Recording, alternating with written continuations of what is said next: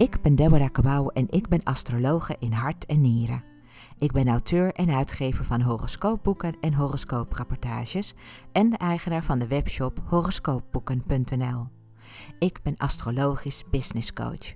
Mijn missie is om levens van anderen positief te transformeren en dat doe ik door de exclusieve adviseur te zijn van vrouwelijke ondernemers in dienstverlenende beroepen. Bij mij komen coaches, trainers en adviseurs, als ook ondernemende vrouwen in de media- en entertainmentbranche. Het merendeel is 70 tot 80 procent op weg met hun missie. Wat hebben deze vrouwen met elkaar gemeen? Zij zien zichzelf als de waardevolste investering binnen hun bedrijf. Ze willen eruit halen wat erin zit en goede strategische keuzes maken. Zit jij hier naar te luisteren en denk je: Goh, ze heeft het over mij? Ik heb een unieke methode ontwikkeld waardoor ik in jouw geboortehoroscoop kan zien waar jouw goud ligt en hoe jij dat het beste kunt verzilveren. Ik geef VIP-dagen die ik achter de schermen heel minutieus voorbereid en mijn grote gave is dat ik je potentieel volledig zie en dat ik dat weet te vertalen naar concrete, kansrijke ideeën voor jouw business. Ik geef je aan het einde van deze podcast de link hoe je met mij in contact kunt komen of raadpleeg de show notes bij deze podcast. Deze podcast ben ik gestart om mijn grote passie met jou te delen: astrologie. Ik ben hier om jou te helpen herinneren wie je bent en wat jouw levensmissie is. Geen zweverig gedoe, maar wel met veel spiritueel gevoel. Het is mijn diepe overtuiging dat je bij geboorte een gebruiksaanwijzing mee hebt gekregen en ik ontvouw die heel graag voor je. Voel je welkom bij de community van astrologieliefhebbers die meer te weten willen komen over deze fascinerende wetenschap. Laat je inspireren door de vele ins en outs die je nergens anders zult horen. Je bent veel meer dan je ooit is verteld en ik vertel je graag het eerlijke verhaal. Welkom alweer bij een nieuwe aflevering van de Astrologie Podcast. En vandaag ga ik het hebben over waarom de kerk valikant tegen astrologie is.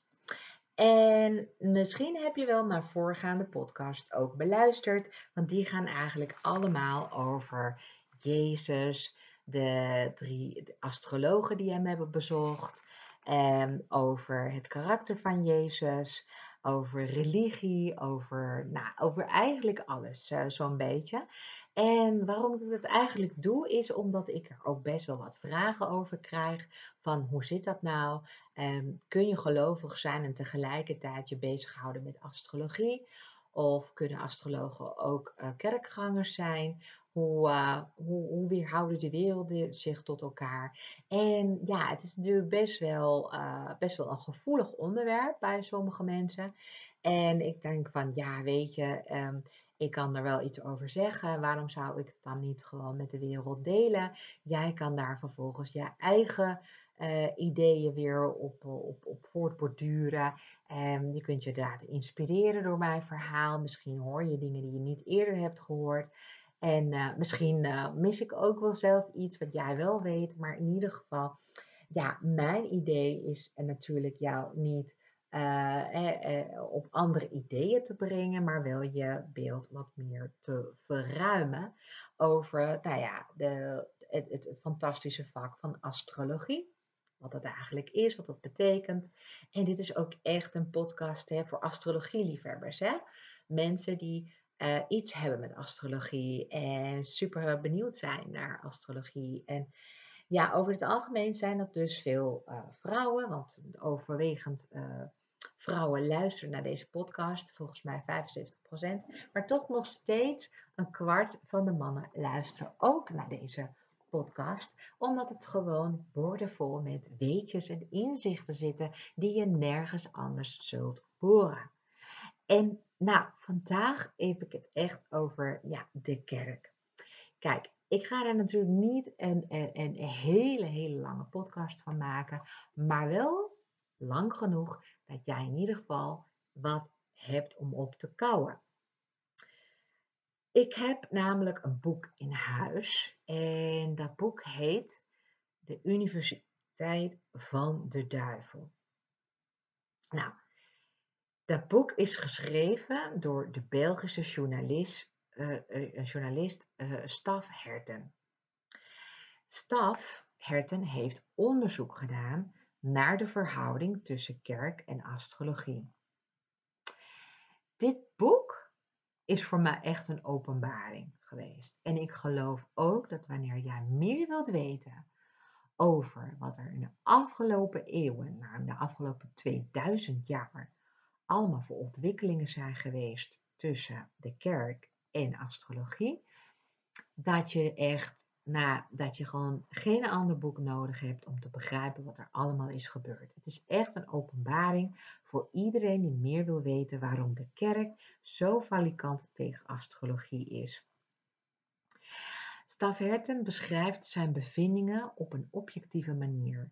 En hoewel het geen wetenschappelijk boek is, het geloof en religie is sowieso niet wetenschappelijk, ehm, beschrijft hij alles aan de hand van verwijzingen naar geraadpleegde bronnen. En dat vind ik altijd wel weer heel erg fijn, dat je dingen terug kunt vinden.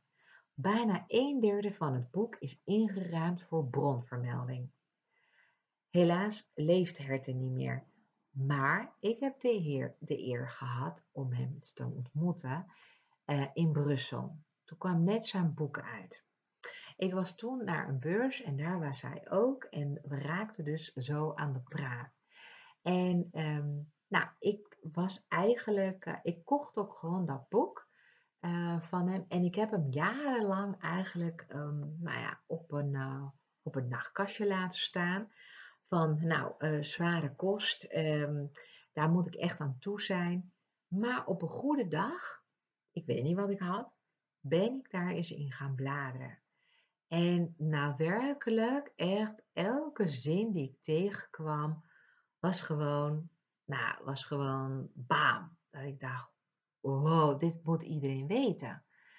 Dit is super interessant, dit is mega waardevol, dit moet, dit, dit, dit, dit, is, dit is geweldig onderzoek. Ik bedoel, die, die man is gewoon een genie wat dat betreft. Heeft hij gewoon echt puikwerk afgeleverd. En dat voor een journalist. Hij was natuurlijk ook niet een onverdienstelijke journalist, daar niet van. Maar ja, ik denk zo'n boek gewoon schrijven. Ik bedoel, dat is gewoon. Ja, dit boek hoort eigenlijk als naslagwerk bijna bij ieder astroloog, maar misschien ook wel bij elke uh, uh, religiedeskundige, godsdienstdeskundige. Het hoort in ieder geval opgenomen te worden in de bibliotheek van de universiteit, vind ik. Maar goed, de toon van Herten is hier en daar wel wat ironisch. En je merkt dat tijdens zijn ontdekkingen het juist de kerk is uh, die het vaak moet ontgelden. Hè?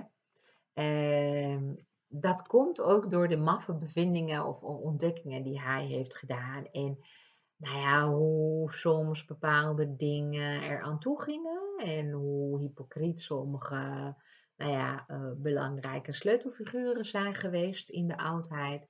En uh, dat is natuurlijk vandaag de dag nog steeds. Ik bedoel, we hebben nog steeds heersers van landen en volkeren en noem maar op, die ja, ook hypocriet zijn. En eh, ik bedoel, als we vandaag de dag even de kerk onder de loep nemen, we kijken naar de, naar, naar, van, naar de laatste krantenkoppen van de afgelopen decennia. Nou, ik ga daar niet eens over beginnen, want dan is het gewoon één grote beerput van alles wat gewoon ja, in de doofpot is gestopt. Maar ook gewoon echt gewoon gedrag wat gewoon niet zuiver is en niet toelaatbaar is eigenlijk volgens de kerk. En toch is het binnen de kerk ook nog eens gewoon gebeurd. Je ziet ook aan uh, het, het, het, boek van, uh, van Herten dat hij daar ook op die informatie is gestuurd um, van uh, ja, informatie over de kerk uit de middeleeuwen. Dus ook allerlei rellen die uit zijn gekomen. Ik bedoel, het was dus allemaal niet zo zuiver. Hè? En um, en nou, je zou het boek eens gewoon moeten lezen als je daar meer van wil weten. Maar eh, je moet dus weten dat astrologie en astrologen razend populair waren in de jaren voor Christus.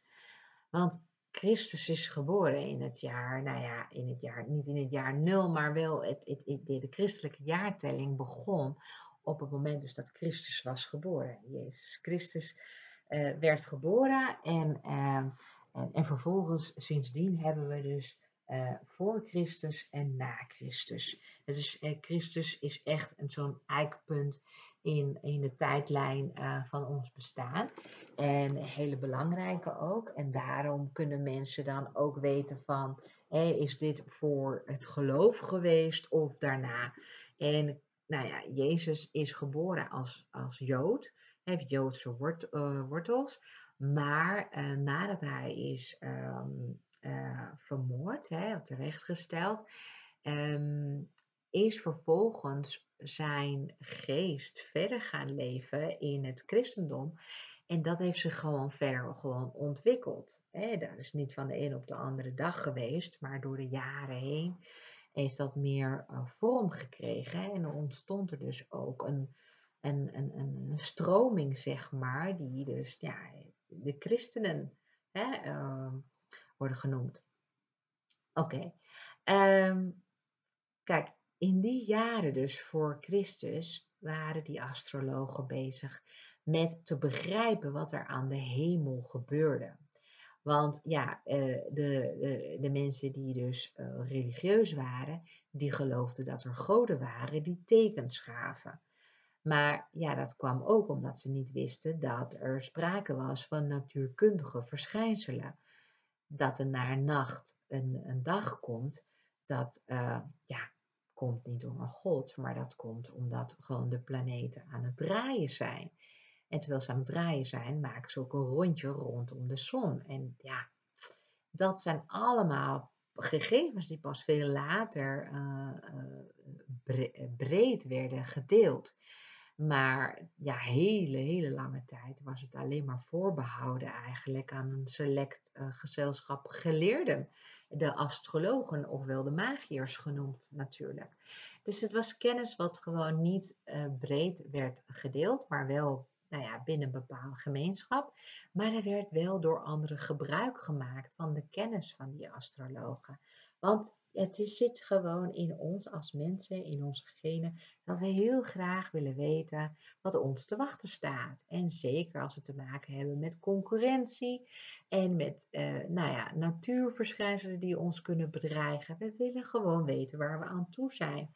En daarom houden mensen het ervoor over om daarvoor naar astrologen te gaan en ze te consulteren. Nou, die astrologen die bestaan vandaag de dag nog steeds. En waarom denk je dat dat zo is?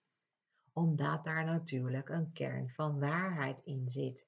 Er is een systeem om in ieder geval te kunnen, kunnen bekijken hoe iets zich gaat ontvouwen en ontwikkelen. En natuurlijk is er sprake van vrije wil en kun je daarin ook nog gewoon uh, zelf ook keuzes maken. Maar ja, eh, het, planeten dwingen niet, maar er gaat wel een bepaalde energie van af die jou weer dan doorboort. Ik bedoel, jij bent onderhevig aan de natuur en dus ook aan de wetten van de natuur, zoals de wet van de, ehm, eh, eh, van de zwaartekracht. Hè? Dus dat zijn wel dingen die je wel weet. Um, en wat je niet weet, en wat heel veel mensen niet weten natuurlijk, is wat wel gebeurt, maar niet zichtbaar is. Maar dat is ongelooflijk veel. En dat is hetzelfde als, uh, nou kijk maar eens naar je mobiele telefoon. Heb je wel eens afgevraagd hoe zo'n mobieltje nou eigenlijk werkt? Hoe kan dat nou, dat we aan de andere kant van de, van de wereld uh, met iemand kunnen communiceren? Sterker nog, we kunnen iemand zelfs zien. Eh, via dat videobellen. En ja, we vragen ons helemaal niet af hoe dat kan. We toetsen gewoon een nummer in. En dan krijgen we die persoon die we willen spreken. Wat dat betreft is dat ook net een vorm van voorspellen, toch? Je weet dat je die persoon aan de lijn gaat krijgen. en dat allemaal met een apparaatje wat je in je hand hebt. En die zendt dus eigenlijk golven uit die wij helemaal niet kunnen zien, niet kunnen voelen, niet kunnen proeven helemaal niks mee kunnen. Maar het gaat wel dwars door ons heen. Want alles gaat dwars door ons heen. Dus ook, ook uh, de straling van mobiele telefoons. Met andere woorden, er is een heleboel om ons heen gaande wat we niet kunnen waarnemen met onze zintuigen. Maar daarom kunnen we het niet ontkennen. er gebeurt van alles. Ja? Oké, nou, de, je moet weten dus dat ehm, in het oude Babylonië, dat is uh, in het tweede millennium voor Christus, ehm, daar was het lezen van de sterren zeer gebruikelijk. Omdat uh, mensen het lot van landen en hun heersers wilden weten. Dat vonden zij belangrijk. We kunnen het niet met zekerheid vaststellen, uh, maar uh, de kans is aanwezig dat het lezen van de sterren al van daarvoor dateert. Want er zijn kleitabletten gevonden, um, ja, die dateren van 5000 jaar voor Christus, of althans 3000 jaar voor Christus en dan 2000 er nog bij. Dus 5000 jaar oud. Ik bedoel, kleitabletten van 5000 jaar oud. En dat is wat er tot nu toe is gevonden. Wie weet wat we vandaag of morgen nog vinden. Dus toen al waren mensen de bewegingen van de hemel aan het observeren. En zo konden ze wetmatigheden ontdekken in de cycli van de zon, de maan en de sterren. Destijds dachten ze dat de goden deze planeten aanstuurden en tekens aan de mensheid doorgaven. Van priesters werd verwacht dat zij deze tekens gingen interpreteren. Kortom, er werd op basis van astronomische gegevens eeuwenlang informatie verzameld. Destijds was astronomie en astrologie onlosmakelijk met elkaar verbonden dat is daarna, ik bedoel, dat is nog niet zo heel lang geleden, maar die twee werelden zijn een beetje hun eigen weg opgegaan. Maar ehm, dat is niet voor deze podcast, maar dat is ook wel uh, heel interessant om te weten waarom dat is gebeurd. Maar goed, we hebben het nu even over de kerk en waarom ze zo falikant tegen astrologie zijn. In de eerste eeuw, namelijk na Christus, blijkt uit de geschiedschrijving dat de kerk veel concurrentie had van verschillende geloofstromingen. En werd er dus astrologie ook als een bedreiging gezien. Niemand wilde volgelingen verliezen. De wereld was bezig met zieltjes te winnen voor eigen geloof. Om astrologie uit te bannen, gingen de kerkvaders op zoek naar bijbelteksten die niet in het voordeel spraken van astrologie. Dat is toch ook logisch dat je geen propaganda vindt voor een ander geloof dan het eigen geloof. Zo werkt dat nog steeds. Kijk maar naar politieke partijen of ondernemers. Iedereen praat voor eigen parochie. Het is toch logisch als je het andere afdoet, dat, jij dan, ja, dat je ondertussen gewoon jouw eigen geloof gewoon ja, meer propageert. Dat is logisch, dat is, dat, ik bedoel, als je zelf er mooier uit eh, wil eh, komen te zien, moet je vooral slecht over de ander praten. Nou, eh, ik wil niet zeggen dat dat, dat, dat één op één zo eh, van toepassing is natuurlijk op de, op de Bijbel en op de evangelies, maar, maar toch is het zo dat er aanhangers waren van uh, natuurlijk het Jodendom, het christendom. En uh, dat zij het heel, heel eng vonden dat astrologie aan terrein, ja, terrein aan het winnen was. Dat vonden ze eng, dat vonden ze bedreigend. Nou, in de tweede eeuw na Christus leefde um, een apologeet um, wel meerdere apologeten. Ik weet niet of je weet wat een apologeet is. Maar een apologeten waren een groep christelijke auteurs uit de tweede eeuw die het opkomende christendom hebben verdedigd. Nou, er was dus één apologeet, uh, Tertullianus. Ja, Tertullianus heet hij. Die dus ook in zijn geschrift tegen de afgoderij beweerde dat hij de kennis van de astrologie, hè, dat, of althans dat de kennis van de astrologie, uh, afkomstig was van gevallen engelen, ofwel demonen. Ja, nee, nee, echt waar, dat heeft hij echt opgeschreven. Ik moet even kijken onder hoofdstuk 9, uh, eh, in het geschrift tegen de afgoderij. Um, daar staat het gewoon letterlijk in. Hij spreekt gewoon over nou ja, dat, dat, dat, dat mensen die dus de kennis hebben van astrologie gevallen engelen zijn. En dat heeft hij zelf ervan gemaakt. Hij heeft dat zelf zo bedacht. Hij vond namelijk dat met de komst van Jezus, de Zoon van God, een einde was gekomen aan de astrologietijdperk. Dat heeft hij bedacht, dat heeft hij opgeschreven en dat is natuurlijk meegegaan in de verhalen. Eh, Tertullianus vond het ultieme bewijs, eh, namelijk eh, het symbolische bewijs dat astrologie op zijn retour was, in het feit dat de astrologen die de pasgeborenen hadden bezocht via een andere weg terugkeren naar hun land van herkomst dan dat zij waren gekomen. Ja, kun je het toch volgen? Dus hij vond dat een ultieme bewijs. Die, namelijk die drie magiërs, of die magiërs, we weten niet hoeveel het er waren, maar in ieder geval de magiërs, oftewel de astrologen, waren teruggekeerd naar hun land via een andere weg. En daarmee zou eigenlijk het begin zijn ontstaan van een nieuw geloof.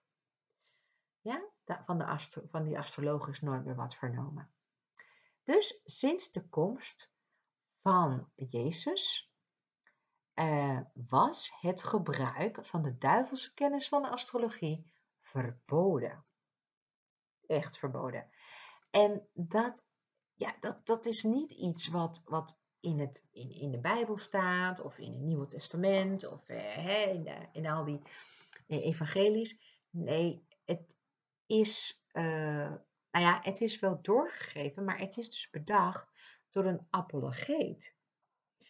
Een verdediger dus eigenlijk van het christendom. Het is niet dus door God ingegeven. Het is niet door Jezus ingegeven. Het zijn allemaal mensen die nadien dingen hebben opgeschreven. Die ja, naar hun eigen belevenis, naar hun eigen gewenste wereldbeeld, naar hun eigen manier van het beleiden van het geloof, naar hun eigen inzichten, naar hun eigen wensen, naar, naar you name it. Hè? You, you get the point. Iemand heeft gewoon geschreven, dit is niet oké. En vervolgens is dat overgenomen dus door de kerk. Kortom, Astrologie was al een doorn in het oog voordat Jezus Christus was geboren binnen het Jodendom. Uit het uh, boek van uh, Herten blijkt dat zowel voor- als tegenstanders tot de conclusie komen dat planeten niet mensen dwingen.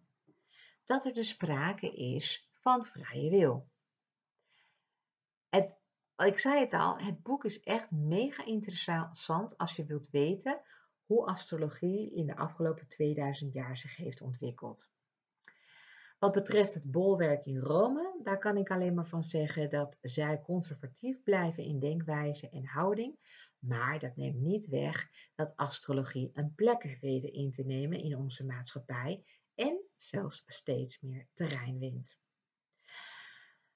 Dit was het eventjes voor vandaag. Ik hoop dat dit jou weer even wat stof tot nadenken geeft.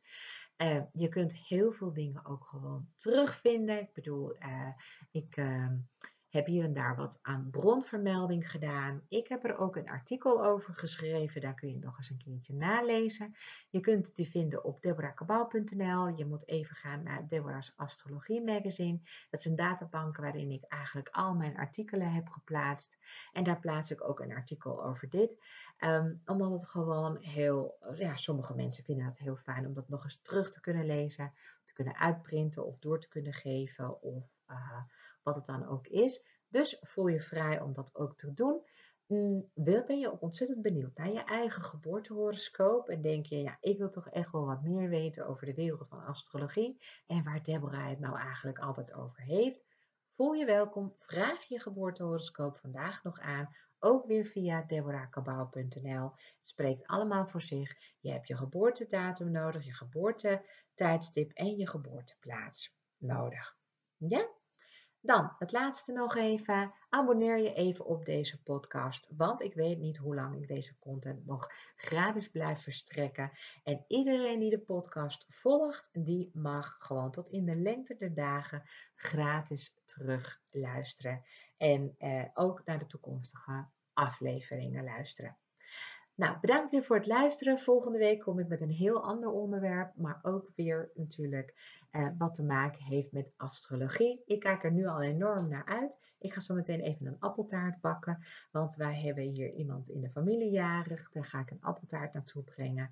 En ik bak die zelf altijd met de eitjes die onze kippen ons geven. Dus dat is voor mij even een moment van zen zijn. Het is vandaag ook zondag. Het is mij geen werkdag. Maar ik vind het altijd heel erg fijn om een podcast in te spreken. Omdat het dan het moment is waarop ik alle tijd heb en heel creatief ben. Dus het heeft niks met werk te maken. Volgens de kerk mag je ook eigenlijk helemaal niet werken op uh, zondag. Nou, ik werk ook niet op zondag, maar dat heeft niks met het geloof te maken, maar meer omdat ik het heerlijk vind om tijd en aandacht te besteden aan mijn dierbaren, aan mijn gezin en ook om gewoon een beetje bij te komen en mezelf op te laden voor het week wat voor me uh, uh, ligt. Nou, ik wens jou een zeer fijne dag toe en heel graag tot volgende week.